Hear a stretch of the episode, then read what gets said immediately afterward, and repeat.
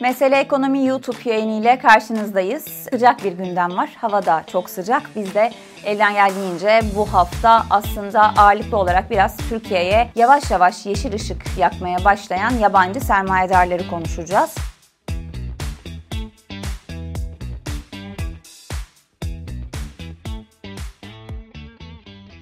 Şimdi öncelikle isterseniz böyle çok da uzağa gitmeyin. Biraz geriye gidip seçim öncesi senaryoları konuşalım. Yani bu sene işte Mayıs-Haziran çok zor geçti elbette Türkiye'nin siyasi gündemi için. Ve biz hatırlarsanız hep diyorduk ki eğer e, Millet İttifakı seçilirse Türkiye yüzünü batıya dönecek ve batı sermayesiyle daha rahat buluşacak. Nitekim zaten o taraftan gelen, Millet İttifakı'ndan gelen söylemler de bu yöndeydi. Aksine Cumhur İttifakı yani e, mevcut AKP hükümetinin devamı ve bu politikaların sürdürülmesi, eski politikaların sürdürülmesi e, bakiydi. Yani eğer e, iktidarda kalmaya devam ederlerse Türkiye ortodoks olmayan politikalarla ve net bir şekilde batıdan daha uzak hem ekonomik hem de siyasi anlamda bir düzlemde olacak demiştik. Fakat evdeki hesap çarşıya uymadı ve e, eminim hepinizin aklından aynı e, şeye geçmiştir. Son birkaç haftada hem siyaset tarafında gelen açıklamalar hem e, ekonomi tarafında gelen açıklamalar net bir şekilde bize aslında Millet İttifakı seçilseydi Türkiye nereye yönelirdi sorusunun cevabı gibi sinyaller olduğunu gösteriyor. Yani Cumhurbaşkanı Erdoğan'ın son açıklamalarına baktığınızda Avrupa tarafındaki ilişkilerin daha da sıcak hale getirilmesi zaten NATO da yaptığı konuşma, İsveç'e onay verilmesi, F-16 ile ilgili e, açıklamalar tüm bunlar işte vize kolaylığı, serbest gümrük birliğinin revizyonu derken e, mevcut iktidarın batıya yüzünü döndüğünü bize gösteriyor. Bir yandan da ekonomi tarafındaki karar vericilerde Mehmet Şimşek ve ekibi de yabancı sermayedarlarla e, temaslarını arttırdı. Fakat burada aslında ilginç bir denge var, ilginç bir denklem var. E, her ne kadar siyaset ayağında biz Batı ile ilişkileri daha sıcak tutmaya çalışsak da aslında ekonomik tarafta Batı'dan ziyade Orta Doğu sermayesini çekmek isteyen bir ekonomi yönetimi olduğunu görüyoruz. Cevdet Yılmaz ve Mehmet Şimşek'in e, Katar ziyareti, Suudi Arabistan ziyareti bu hafta yine e, Merkez Bankası Başkanı Hafize Gaye Erkan ve Mehmet Şimşek'in. Dolayısıyla ağırlıklı olarak körfez sermayesine göz dikmiş, körfez sermayesini isteyen bir ekonomi yönetimi var karşımızda. Halbuki biz Avrupa ile, AB ile ve Amerika ile siyasi tarafta, ekonomi dışındaki politikalarda bu kadar yakınlaşırken neden körfez sermayesini istiyoruz? Cevap çok basit. Çünkü Avrupa'ya ve Amerika'ya eğer talipseniz, oranın parasını istiyorsanız pozitif reel faiz vermeniz ve şu an uygulanan yarı ortodoks politikalar yerine gerçekten rasyonel politikalar ve tam ortodoks politikalar izlemeniz gerekiyor. Halbuki hepinizin de takip ettiği üzere son gelen açıklamalar işte faiz artışının beklentinin altında kalması, KKM'den yavaş yavaş dönüş ve e, ne diyelim görece normalleşme e, adımları tam ortodoksu bize göstermediği gibi reel faiz tarafında da Türkiye hala pozitif reel bir getiri sunamıyor. İşte bu sebepten de Avrupa'dan, batıdan gelecek olan sermaye çok da şimdilik iştahlı değil gibi. Peki Körfez'den para gelirse ne olur Türkiye'ye? Şimdi aslında orada asıl amaçlanan sıcak para akışından ziyade doğrudan yatırım çekip çekemeyeceğimiz. Yani e, hatırlayın ilk e, Merkez Bankası Başkanı kim olur konuşulurken kulislerde Hafize Gaye Erkan'ın Katar'la, Suudi Arabistan'la ve Körfez sermayedarlarla, Körfez'deki sermayedarlarla yakın ilişkilerine dair haberler çıkmıştı.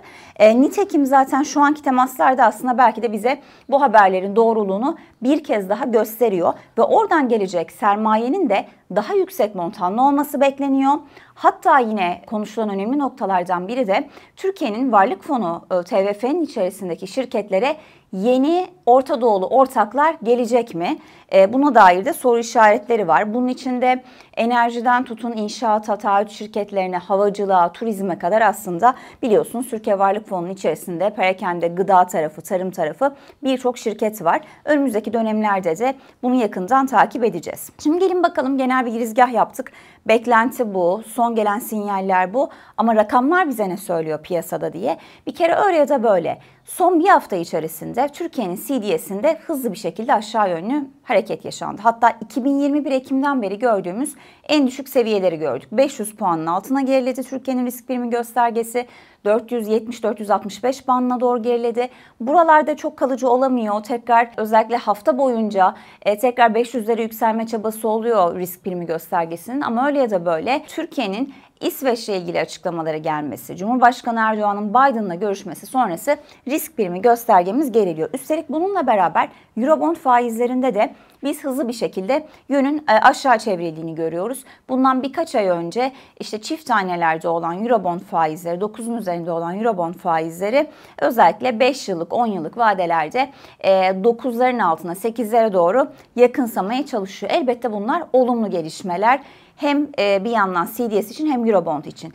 Borsa tarafında ne oluyor diye baktığımızda Türkiye borsası da e, yine son bir hafta içerisinde yeni rekorlara imza attı. 6000'in üzerine yükseldi BIST 100. Bu yükselişin bir miktar yani bir kısmı elbette siyasi tarafta gelen açıklamalar ama diğer bir taraftan da analistlerin bence burada en önemli tespiti adil değerine geldi. Yani dolar cinsinden borsa ne yaptı diye baktığınızda aslında bir rekor yok. Yani TL cinsinden BIST 100 6000 üzerine gelse de dolar cinsinden olması gereken seviyelere yükseldiğini e, söylüyor analistler. Çünkü kur çok hızlı bir şekilde yükseldiğinden dolayı borsanın da buna eşlik etmesi normal. Hatta son yayınımızda hatırlarsanız ihracatçı şirketleri öne çıkarmıştık biz de. Bu yatırım mottosunun devam ettiğini görüyoruz dövizin yükselmesinden nemalanacak şirketler yükselmeye devam edecek Borsa İstanbul'da. Bir yandan bakıldığında aslında e, asgari ücret arttı. İşte memura, emekliye gelen zamlar her ne kadar yeterli bulunmasa da yani tüketim bir şekilde canlı kalmaya çalışılıyor, çalışıyor.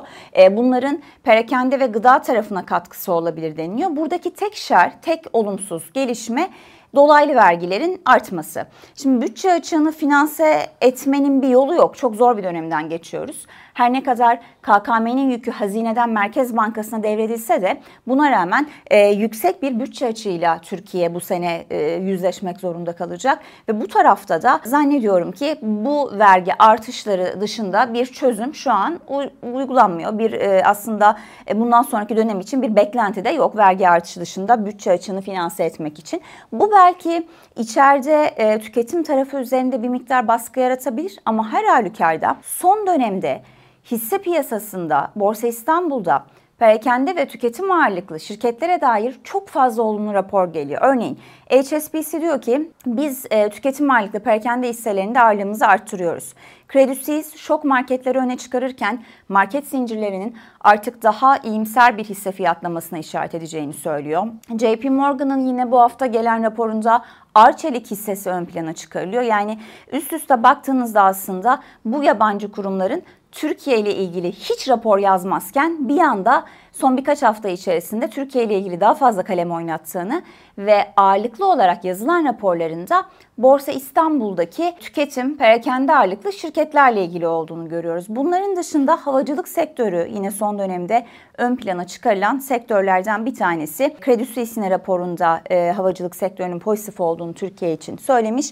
Onu da ekleyelim. Şimdi CDS, Eurobond ve Borsa İstanbul dedik. Biraz gelin içerideki döviz ve kur dengesini de e, analiz edelim. Şimdi son dönemde önce hızlı bir şekilde yükselen kur 26'nın üzerine e, birkaç haftadır da 26'dan kademe kademe 26-15, 26-20'lere doğru daha yavaş e, ama yükselişine devam eden bir dolar Türk lirası olduğunu görüyoruz. Bu süre zarfında Mehmet Şimşek neredeyse her hafta rezervlerdeki artışa dikkat çekiyor. Dolayısıyla kur yükseliyor ama kamunun artık çok devrede olmadığını kur müdahalelerinde onun yerine Merkez Bankası'nın devrede olduğunu ve Merkez Bankası'nın adımlarının da ağırlıklı döviz biriktirmekten yana olduğunu görüyoruz. Bu elbette pozitif. Fakat bazı negatif e, sinyaller de var. Nedir bu? Her ne kadar rezervler artıyor desek de, eksiden artıya geçti desek de Türkiye'nin kısa vadede ödemesi gereken 200 milyar dolarlık bir dış borç var. Ve bu hafta gelen e, Mayıs ayı cari açık rakamı da 7.9 milyar dolarlık bir açığa işaret etti. Şimdi tüm bunları alt alta koyduğumuzda aslında mesela Mayıs cari açığını Merkez Bankası finanse etmiş. Yani hala yeteri kadar Türkiye'nin dış borcunu, e, cari açını finanse edecek kadar dövizimiz yok. İşte bu sebepten ötürü de bundan sonraki süreçte e, belki de Şimşek ve ekibinin neden daha fazla Orta Doğu'daki sermayedarları ziyaret ettiği anlamlı hale geliyor. Bir diğer soru işareti de döviz piyasası için Türkiye'de. E, bu doğrudan parayı, doğrudan yatırımı, büyük montanlı sermaye ya da işte swap anlaşmalarını yapabilecek miyiz? Körfez ülkeleriyle bilinmez ama İçeride piyasanın buna çok da fazla itibar göstermediğini söyleyebiliriz. Bunun en önemli göstergesi de yine birkaç haftadır bankaların alış satış kuru arasında %5'e yakın e, makas oluştuğunu görüyoruz. E, kabaca işte 1 TL'ye yakın e, banka ismi zikretmeyeyim ama mesela bir, iki tane özel bankada dolar Türk lirasında alış satış kuru arasında 1-1.2 TL'ye yakın bir fark var. Yine en düşük veren bankaya baktığımızda yani spread'e en dar olan bankaya baktığımızda da orada da işte 75 kuruş 80 kuruş fark olduğunu görüyoruz. O yüzden rasyonel politikaların olmadığı o dönemdeki spreadler, işte alış satış kurdaki alış satış farkları tekrar devreye girdi. Bunu da dikkatli bir şekilde e, takip etmek gerekiyor. Yayını bitirirken e, hızlıca bir sermaye hareketlerinden de bahsedelim rakam olarak. En son geçen hafta perşembe gelen yabancı işlemlerinde biz 500 milyon dolarlık kabaca 500 milyon dolara yakın ağırlıklı hisse olmak üzere yabancı yatırımcıların Türkiye borsasına ve Türkiye sermaye piyasalarına teveccühünü görmüştük. E, bu haftaki rakamların da benzer şekilde olumlu olması bekleniyor ve bu bahsettiğimiz rakam size çok yüksek gelmeyebilir belki. E, 500 milyon dolarlık rakam ama geriye dönüp baktığımızda aslında son 2 yılın haftalık bazdaki en yüksek e, talebi e, Türkiye sermaye piyasalarına. O yüzden ne diyelim bardağın dolu tarafında da biz her ne kadar Şimşek ve ekibi batı sermayedarlarla görüşmüyor desek de son dönemde Avrupa'dan ve Amerika'dan gelen fonlar da az da olsa e, Türkiye'de hisse piyasalarına ilgi göstermeye başladı diyebiliriz. Bizi izlediğiniz için teşekkürler, hoşçakalın.